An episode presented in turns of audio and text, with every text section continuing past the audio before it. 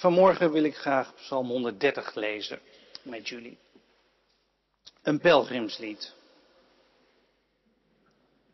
Uit de diepte roep ik tot u, Heer.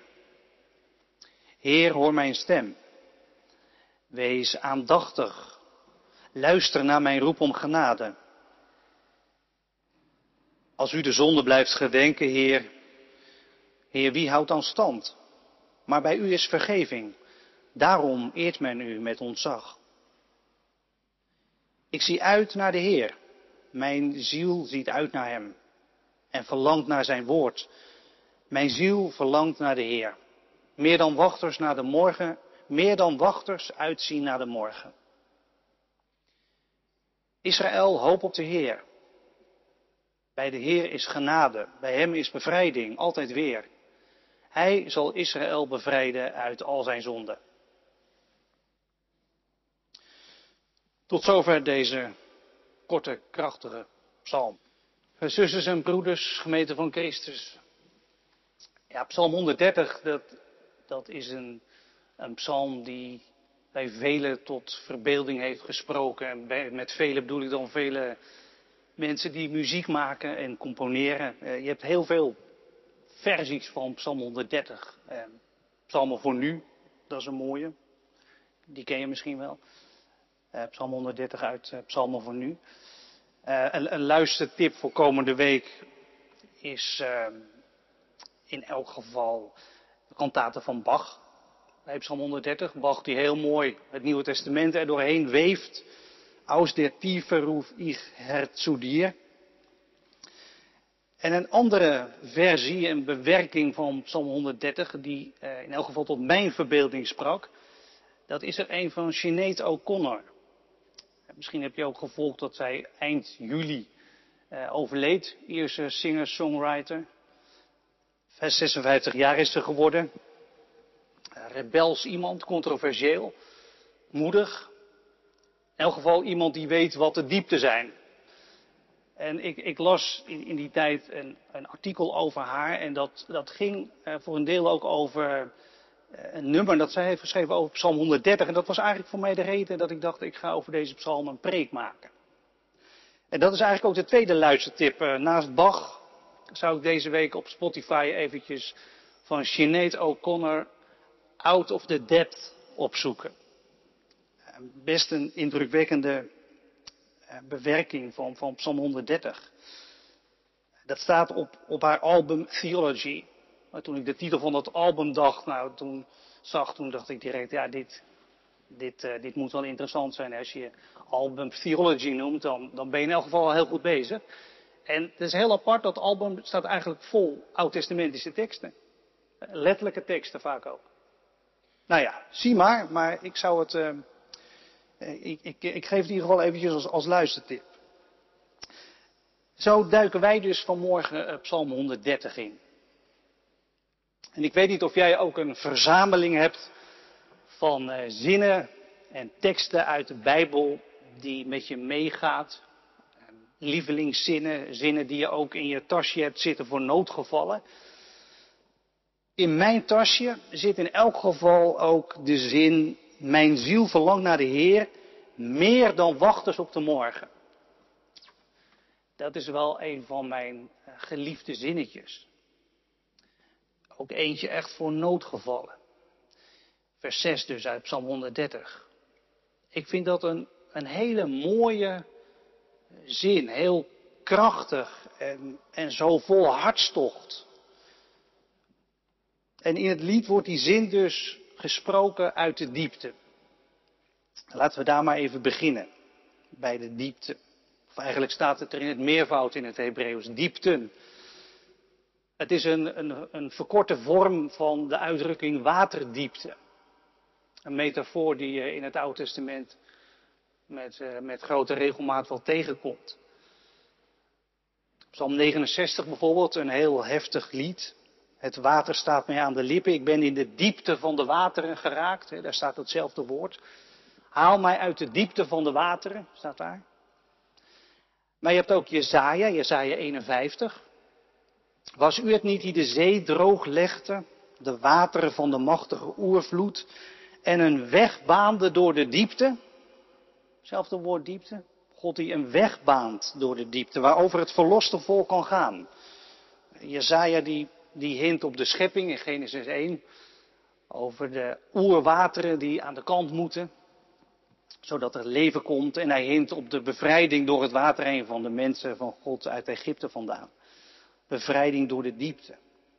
Dus die diepte, dat, dat wordt uit die, die twee eh, Bijbelgedeelten die ik noem, Psalm 69 en Jezaja 51, dat wordt direct al wel duidelijk. Die diepte, dat zijn dus de diepte van de oerwateren. De, de diepte van de chaos. De chaos die het leven bedreigt. De chaos die op de loer ligt. Aan de rand. Ik denk dat, dat iedereen die hier zit, eh, op de een of andere manier wel iets weet van, van de diepte. Van die chaos. In de levens van anderen, in het leven van jezelf. Chaos, diepte van angst. Of ziekte, of eenzaamheid, of verdriet. Of de chaos als dingen te veel worden en ze overspoelen je chaosmachten die op de loer kunnen liggen. En gelukkig zijn die diepte heel vaak ook niet de plek waar wij zitten. Maar misschien dat jij er op dit moment in zit, dat kan, of dat je er net uit vandaan komt. Of dat je er heel bewust van bent dat aan de rand van jouw bestaan die, die diepte liggen, gapen misschien wel. De diepte. Uit de diepte roep ik tot u, o Heer. In deze psalm heeft die, die diepte, die chaos te maken met zonde. Van het individu, van de gemeenschap. Het lijkt me belangrijk om, om even duidelijk te zeggen dat, dat, dat lang niet elke diepte in ons leven te maken heeft met zonde. Maar er is ook heel veel diepte in ons leven die, die niet onze schuld is. Maar er zijn zeker ook diepten waarbij dat wel zo is. Een vloed van kwaad en foute daden met, met gevolgen die, die als een vloed het leven weg kunnen varen, een soort draaikolk vormen de diepte in. Ik weet niet, heb je daar ook uh, ervaringen mee met, uh, met de diepte die, die door mensen zijn veroorzaakt? De chaos die mensen hebben wakker geroepen? Misschien in je eigen leven situaties van gebrokenheid waar jij zelf verantwoordelijk voor bent. Door wat jij hebt gezegd of gedaan. Of juist niet hebt gedaan.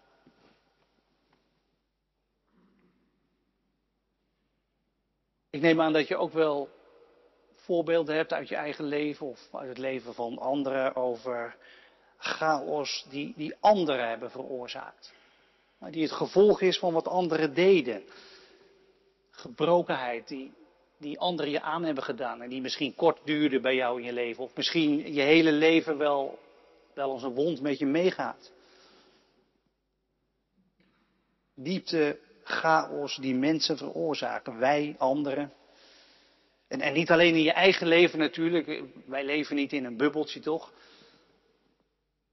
De diepte hoeven niet jouw individuele diepte te zijn. Als mens leef je in verbanden, je hebt een familie, je hebt collega's. Je leeft hier in de stad, in een wereld. En wat is er een diepte te zien? Een diepte van ellendigheid, dichtbij, ver weg in deze wereld. Uit de diepte roep ik tot u, o Heer. Heer, hoor mijn stem. Wees aandachtig, luister naar mijn roep om genade. Op het eerste gezicht zou je bij deze psalmen kunnen denken aan een, aan een soort hopeloze, statische situatie. Een, een, roep van iemand die passief neerzit in de diepte, hopeloos, uitzichtloos, somber. Want ja, dat, dat kan natuurlijk wel echt de ervaring zijn die je dan hebt in de diepte. Geen uitzicht, geen beweging, duister. Maar het bijzondere van dit lied is dat het eigenlijk helemaal niet passief is. En niet zonder beweging. Ik, ik vind het ook helemaal geen somber lied. Nee, nee, toch niet. En dat wordt direct al duidelijk bij het opschrift wat erboven staat, hè? een pelgrimslied. In het Hebreeuws een lied van het opgaan, letterlijk. Het omhoog klimmen van de pelgrim op de bergen waarop Jeruzalem is gebouwd, naar de berg waarop Gods huis staat. Dat, dat heeft een hoopvolle doelgerichtheid. Daar, dat staat erboven, boven dit lied uit de diepte. Opgaan en ook figuurlijk, omhoog klimmen. Vanuit de diepte naar God toe. En dat is wat wij hier doen, toch? Elke zondag klimmen wij omhoog, rijken wij omhoog. Naar God. Opgaan, je oprichten. Dus dit lied is niet passief. Het is een lied waar beweging in zit. Eigenlijk zit het hele lied vol met krachtige beweging van een dichter die roept. Dat is wel heel actief natuurlijk. Een lied van verlangen, hartstochtelijk verlangen. En, en hartstochtelijk verlangen, dat zet je als mens in beweging. En zo werkt dat gewoon. En ik wil je vandaag uitnodigen om in beweging te komen. Of je nu op de toppen van je geluk zit, omdat het leven je toelacht.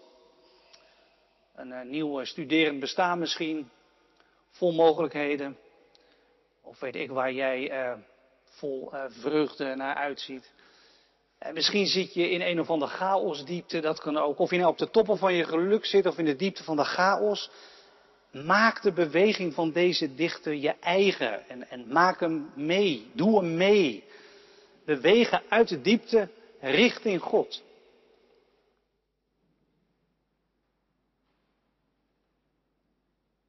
Het moeilijke is daarbij natuurlijk wel dat je niet altijd een antwoord hoort op je roep. En zeker als je in de diepte zit, is dat vaak zo. Dat het lijkt alsof je in het lege aan het roepen bent. En als je denkt dat er toch geen antwoord komt, dan stop je soms maar met wachten. Maar wat je kan helpen, dat, dat is de hartstocht. De hartstocht die in dit lied zit. Dat hartstochtelijke verlangen naar God. Ik weet niet of jij op dit moment eh, dicht bij God bent. Of dat je God juist als ver weg ervaart. Of het licht bij jou is of donker. Of misschien heel grijs. Grijze lauwheid van je geloof. Maar ken je ook iets van de hartstocht? Misschien vanwege herinneringen uit, uit enthousiasmeperiodes van je geloof. Of momenten dat God er helemaal was. En dat als je daaraan denkt, dat er dan diep van binnen bij je weer iets wakker wordt. En dat je denkt, ja, dat, dat is het. Bij God zijn, dat is goed. Hartstocht. Ik zou zeggen, ga daarna op zoek. Om de beweging van die dichter mee te kunnen maken. Hartstocht bij jezelf. Door ervaringen van Gods goedheid je in herinnering te brengen. Ervaringen van Gods liefde. En, als je dat nou zelf niet zo hebt, ik bedoel, lang niet elk mens is een mens die, die veel ervaart. En als je een mens bent die niet zoveel ervaart, nou ja, dat geeft helemaal niks. Dan heeft God jou zo gemaakt, dat is ook prima. Maar misschien kun je, kun je dan, om, om die hartstocht te zoeken, dat verlangen wakker te roepen, ook gewoon kijken naar, naar die oude geschiedenissen van, van God met mensen. Wat God doet. Wie, wie God is. Verlangen. Verlangen brengt beweging in je geloof. Verlangen brengt beweging in je leven. Verlangen naar, naar God, naar de heelheid van God. Voor jezelf, voor mensen om je heen. Uit de diepte roep ik tot u, o Heer. Ik zie uit naar de Heer. Mijn ziel ziet uit naar Hem en verlangt naar een woord van Hem. Mijn ziel verlangt naar de Heer meer dan wachters naar de morgen. Meer dan wachters uitzien naar de morgen. Israël, hoop op de Heer. Uitzien naar, verlangen naar, hopen op. Zo vertaalt de MBV het. In het Hebreeuws zijn het eigenlijk twee woorden die de dichter de hele tijd gebruikt. En die betekenen ook allebei hetzelfde. Die betekenen wachten of hopen. Wachten en hopen. Weet je, dat zijn echt kernwoorden in de Bijbel. En zeker in de psalmen. Wachten, hopen. Het zijn hele basale woorden van het geloof. Maar misschien, dat zat ik te denken, misschien dat wij het daar eh, te weinig over hebben, zou dat kunnen? Over wachten, eh, hopen. Wij houden ook niet zo van wachten. Zeker niet in onze cultuur. Als je vandaag voor drie uur iets hebt besteld, dan, dan wil je het morgen ook wel in huis hebben. Daar, hoorden we eh, zo net met de kinderen ook al over. En al onze routeplanners die, die reiken ons eindeloos alternatieve routes aan om, om sneller te kunnen zijn. Kijk, wachten, dat, dat botst ook helemaal met onze verering van maakbaarheid. wachten, dat, dat betekent dus dat er factoren zijn die je niet in de hand hebt. En, en waar je misschien ook helemaal geen invloed op hebt. Wachten. Maar bij geloof hoort dus ook wachten. Wachten op Gods toekomst, dat sowieso natuurlijk, maar, maar ook wachten op God in je dagelijks leven. Wachten op ervaringen van zijn aanwezigheid. En geduld hebben met God. En het is wel goed om, om dat gewoon in het oog te houden. Het is niet fijn. Wachten, wachten is niet fijn, maar het hoort er dus bij. Dus als jij op dit moment in, in zo'n wachtperiode zit, dat is niet iets vreemds of zo. En je bent echt niet de enige gelovige. En het is ook niet zo dat je geloof fout is omdat andere mensen misschien de ganse dag in de Heer zijn. Nee, wachten hoort er ook bij. Lees maar rond in de psalmen, dat hoort echt bij het geloof. Hartstochtelijk wachten op God.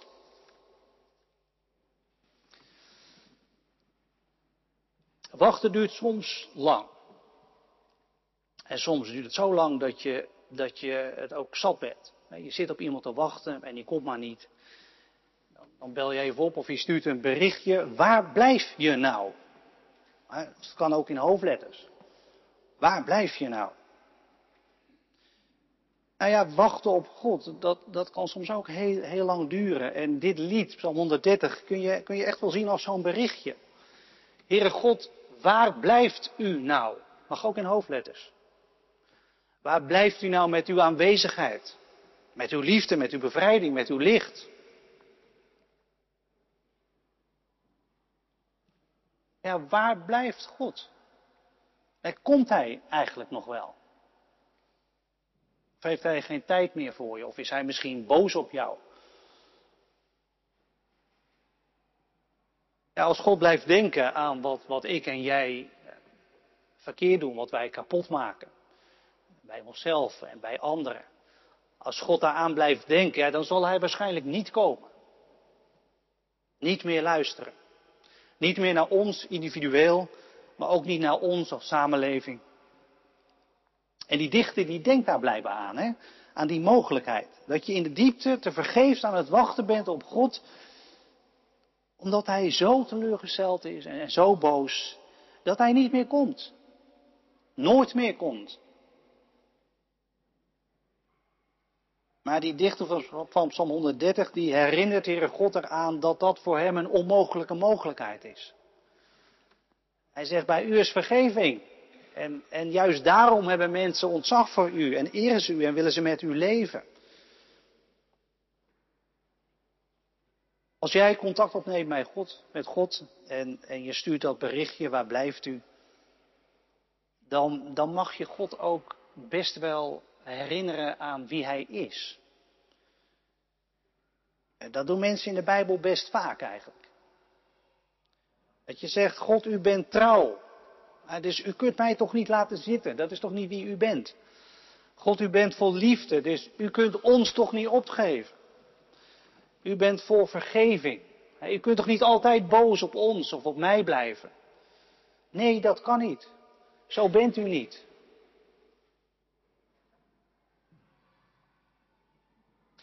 Maar het zou natuurlijk wel kunnen dat, dat de Heer God wel een drempel over moet om, om naar jou te komen of naar u, naar mij.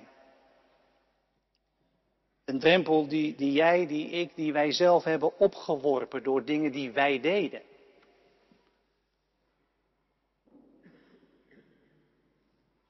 Sinead O'Connor die, die maakt in haar nummer Out of the Depths een intrigerende move.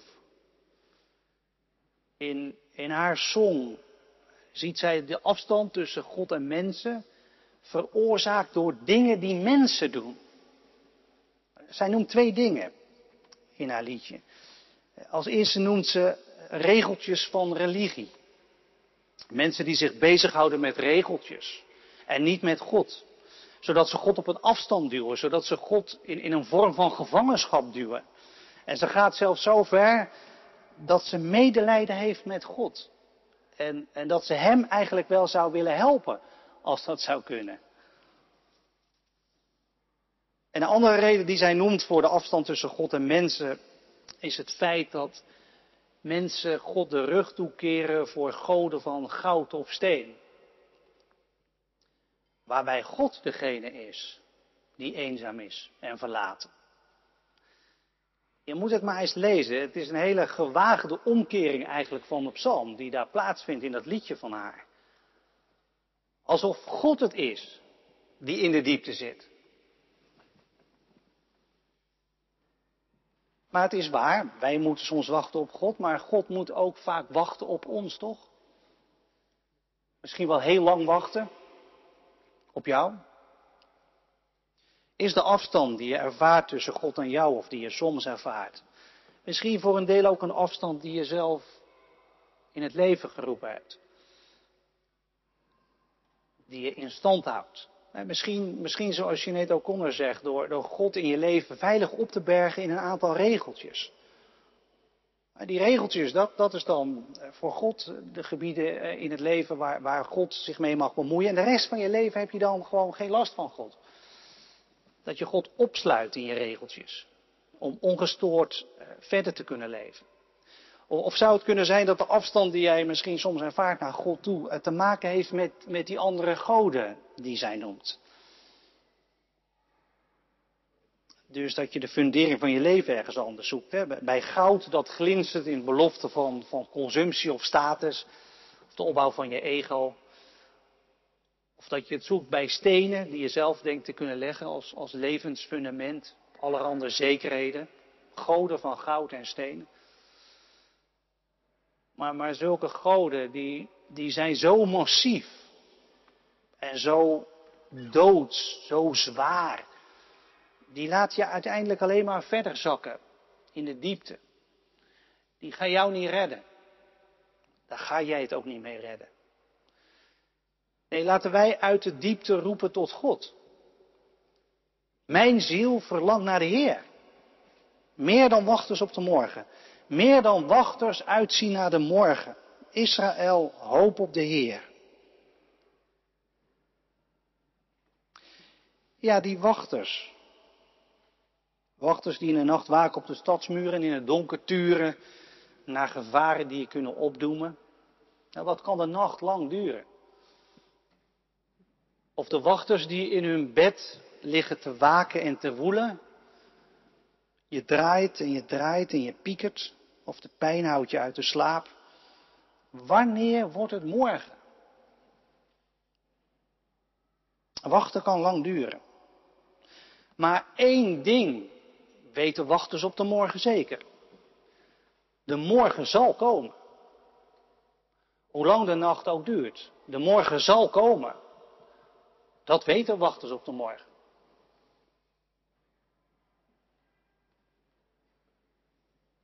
Voor die dichter is, is wachten op God dus gefundeerd wachten. God is als de morgen. God zal komen, zegt deze dichter. En, en die dichter die, die vindt die zekerheid in het karakter van God. Hij zegt, bij hem is vergeving.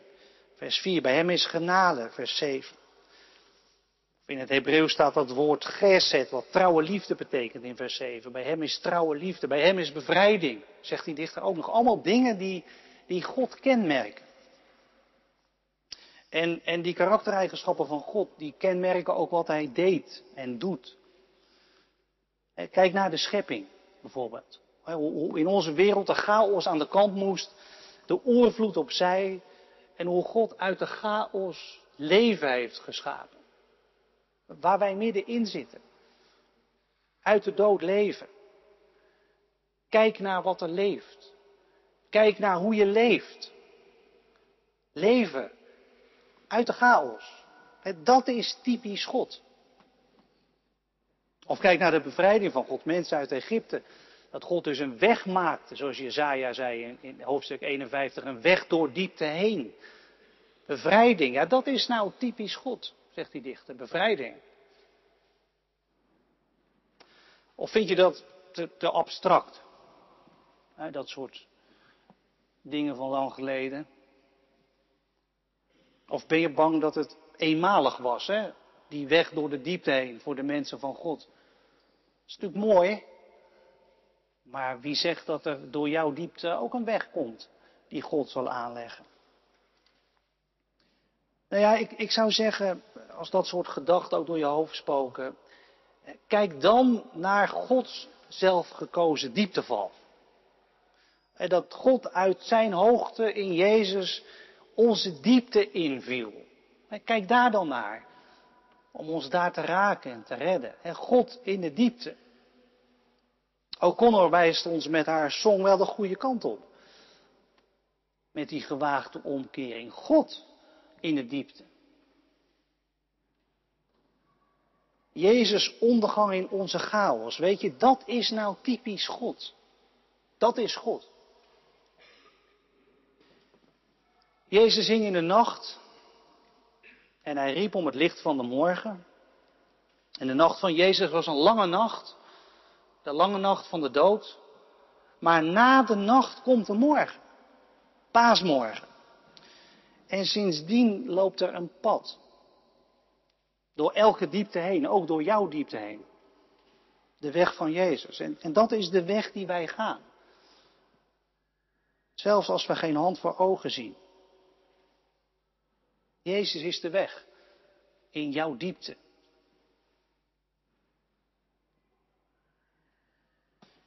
Wachten, dat kan lang duren. ook bij wachters op de morgen. Daar weten wij allemaal vast ook wel iets van. Maar één ding weten wachters op de morgen dus zeker. De morgen zal komen. En, en dat, is, dat is gewoon geweldig hoopvol. Dat is ontzettend hoopvol. Onze nachten, die zijn niet zonder de morgen van God. Zie jij daar ook niet iets van? Iets, iets van morgen? Een, een glimp van daglicht misschien? Licht van Gods aanwezigheid, van Gods redding? Zelf heb ik vaak de indruk dat op zondagmorgen eh, de morgen lichter is dan anders. Ik weet niet of je dat ook hebt, maar hier, hè, hier. Dat het hier lichter is dan anders. En dat is omdat het hier elke zondag Pasen is.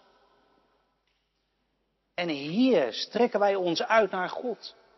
En hier strekt God ons uit naar ons. En raakt Hij ons. Hier zingen wij in het morgenlicht. Hier zingen wij ons vertrouwen uit naar God. En dat doen we samen. Want zingen, geloven, hopen en wachten, dat gaat nog het best als je het samen doet. Op zondagmorgen. In het licht. Amen.